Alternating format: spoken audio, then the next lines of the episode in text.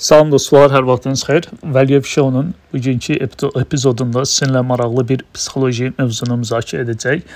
Mövzumuz tarixin sonu illüziyasıdır. İngiliscədə də The End of History Illusion deyə bilinir. Bu ə, maraqlı bir mövzudur. Elə maraqlı olduğu üçün də paylaşmaq istədim. Ə, belə ki, bir 3 elm adamı Harvard Universitetindən və başqa Chicago Universitetindən, üçüncü yadımdan çıxıb hansı universitetdəndir. Belə bir araşdırma etdilər. Onlar 18-68 yaş arası ə, insanları seçdilər. Ə, yəni ki, minlərlə insan, sadəcə bir neçə insan deyil. Və bunların hər birinə eyni iki sualı soruşdular. Bunlara dedilər ki, siz növbəti 10 ildə nə qədər dəyişəcəksiniz və həmçinin keçmiş 10 ildə nə qədər dəyişdiklərini həyatında həyatlarında hansı dəyişikliklərin baş verdiklərini anlatmalarını istədilər. Və fərqi yoxdur. Bu sualı 18 yaşında və ya 25 yaşında və ya 30 yaşında insanlara soruşsunlar və yaxud da ki, deyək ki, 50 yaş və üzəri insanlara soruşsunlar. Hər yaş qrupundakı insanların cavabında maraqlı bir bənzərlik vardı, oxşarlıq vardı. O da bu idi ki, keçmişdə, keçmiş 10 ildəki və yaxud da ki, 5 ildəki olmuş dəyişikliklərdən danışarkən hər kəs çox detallı, ə, çox geniş danışdı. Yəni bütün də xatırlaya bildikləri qədər bütün dəyişiklikləri baş vermiş ə, dəyişiklikləri sıraladı. Amma gələcəklə bağlı danışanda ə, yenə də vurğulamaq istəyirəm. Yaşından asılı olmayaraq hər kəs çox bir şey demədi. Yəni ki, yəni hər kəs belə bir cavab verdi ki, sanki indi hardalarsa artıq ola biləcəkləri qədər olublar. Yəni ki, dəyişə biləcəkləri son nöqtəyə qədər dəyişib gəliblər. Artıq bundan sonra çox da ciddi bir dəyişiklik olmayacaq. Bunu 18 yaşındakılar da belə dedi, 25 yaşındakılar da, 30 yaşındakılar da və daha yaşlı olanlar da. Bunun səbəbləri nədir deyə araşdırdılar və yəni araş araşdırdılar deyəndə daha doğrusu fikir irəli sürdülər. Onda bir, bir səbəb budur ki, ə, xüsusilə də Daniel Gilbertin Harvardlı psixoloq ə, bir təklif elədiyi fikir budur ki, bəs biz keçmişi xatırlayarkən çox ciddi zehni əmək və enerji sərf olunmur. Və buna görə də keçmişi xatırlamaq, detallı xatırlamaq bizim üçün nisbətən asandır. Amma gələcək 10 il haqqında nələr dəyişəcək, nələr olacaq, biz nələri artıq bəyənəcək, nələri artıq bəyənməyəcək, necə bir insan olacaq, indikindən nə qədər fərqlənəcək kimi suallara cavab verəndə cavab vermək üçünsə çünki olmayan bir şeyi, yaşamadığımız bir şeyi təsəvvür etdiyimiz üçün, izah eləməyə çalışdığımız üçün ciddi zehni enerji tələb olunur və buna görə də insanlar asan olanı seçirlər və gələcəklə bağlı çox bir şey ə, izah etmirlər. Çox çox detallı izahatlar vermirlər və düşünürlər ki, dəyişiklikdə çox böyük olmayacaqdır.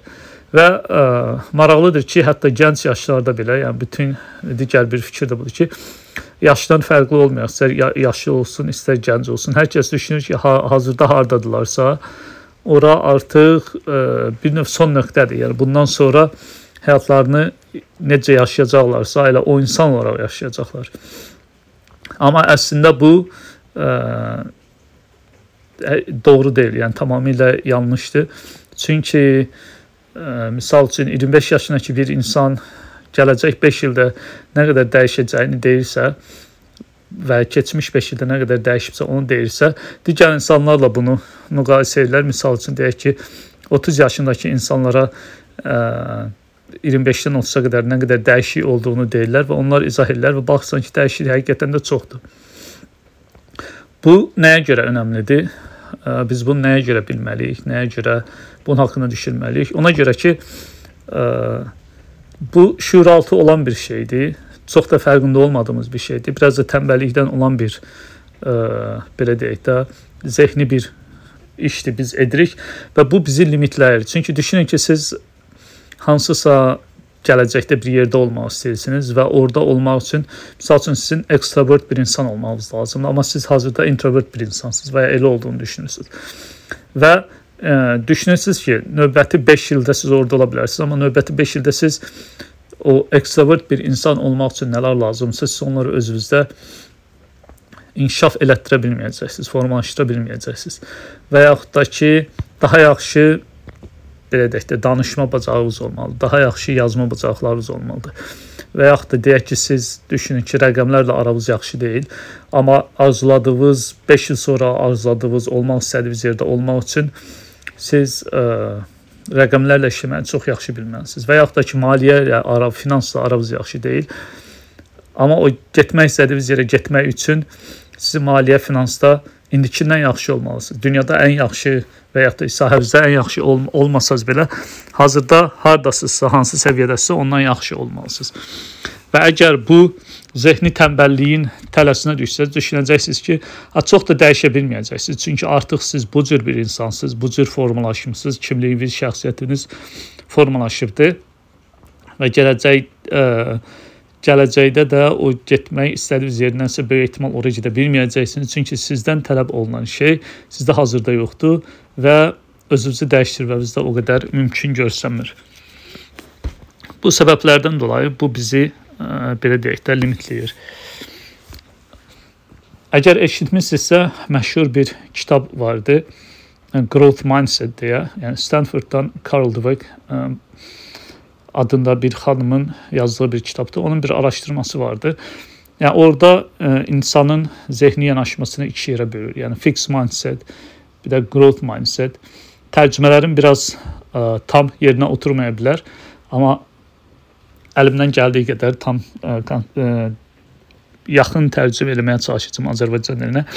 Yəni fixed mindset odur ki, inkişafa meylli olmayan, inkişafa bağlı zehin Growth mindset isə odur ki, inkişafa açıq, inkişafa meylli olan zehin və yaxud da ki, cəsarətli də deyə bilərik zehin. Yəni bu iki qrup insan qrupdakı insanlar arasında fərq odur ki, fixed mindset, yəni ki, inkişafa meylli olmayan zehin mentalitetə mənsub insanlar indi hardadılarsa, elə elə olacaqlarını da düşünürlər, elə qalacaqlarını düşünürlər və çox dəyişə bilməyəcəklərini düşünürlər. Amma o mentaliteti inkişafa meylli olan insanlar isə yanaşması budur ki, ə, misal üçün mən ə, yaxşı danışıq bacarıqlarım olmalıdır və yaxud da ki, ə, bayaq dediyim kimi, misal üçün maliyyədə maliyyəni daha yaxşı başa düşməliyəm. Amma indi başa düşmürəm. Amma bu indi başa düşmürəm, onları orada dayandırmır. Onlar deyir, deyir ki, okey, indi başa düşmürəm, amma zamanla bunu öyrənəcəm. Mən bu sahədə özümü inkişaf etdirəcəm və dəyişəcəm və istədiyim nədirsə, hansı biliksə, bacarıqsa onu əldə edəcəm ki, o getmək istədiyim yerə gedə bilim.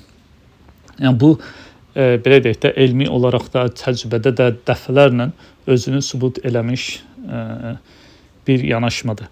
Buna görə də nə vaxtsa ki, hansısa bir qərar vermə ərəfəsində olduğumuzda düşünürsə ki, a mən bu bu yerdə olmaq istəyirəm. Məsəl üçün 5 il sonra, 10 il sonra və burada olmaq üçün mənə bunlar lazımdır. Bu biliklər, bu bacarıqlar, bu xüsusiyyətlər bunlar mənə lazımdır, amma bunlar məndə indi yoxdur.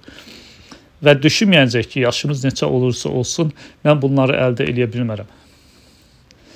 Və yenidən önəmli bir şeyi vurğulamaq istəyirəm. Biz o sahədə ən yaxşı olmalı deyilik və, yaxud da ki, dünyadakı bir nömrəli insan da ola, olmalı deyilik. Olsaq nə əla, super. Amma Çox hallarda o bizə lazımdır. Bizə lazım olan hazırkindən biraz daha yaxşı olmaqdır. Və bunları düşünəndə bu tarixin sonu illüziyasının bizi tələyə salması, salmasına qarşı ayıq olmaq lazımdır ki, ə, e, zehnimiz adətən bizə bu oyunu oynar və düş və bizə belə bir ə, e, qənaətə gəlməyə səbəb olur ki, mən artıq nə qədər dəyişə bilərəmsə dəyişmişəm. Bundan sonra çox da dəyişə bilməyəcəm. Buna qarşı ayıq-sayıq olacağıq və ə, öyrənməli olduğumuz, dəyişilməli olduğumuz nələr varsa özümüzdə və yaxud da ki, yeni özümüzdə formalaşdırmalı olduğumuz nələr varsa, onların hardasa hər birini ə, təlimlə, ə, özünü tərbiyə ilə, disiplinlə və ən əsası da təcrübə ilə özümüzdə formalaşdıra bilərik.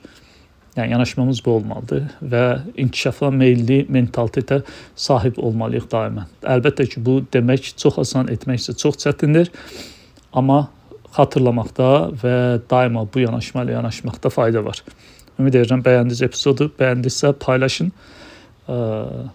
Başqa hansısa mövzularda, hansısa suallar ətrafında epizodlar olmasını istəyirsinizsə, onları da yaza bilərsiniz və sizə tarixin sonu illüziyasının tələsinə düşməməyi arzu edirəm. Hələlik növbəti epizodda görüşənə qədər. Sağ olun.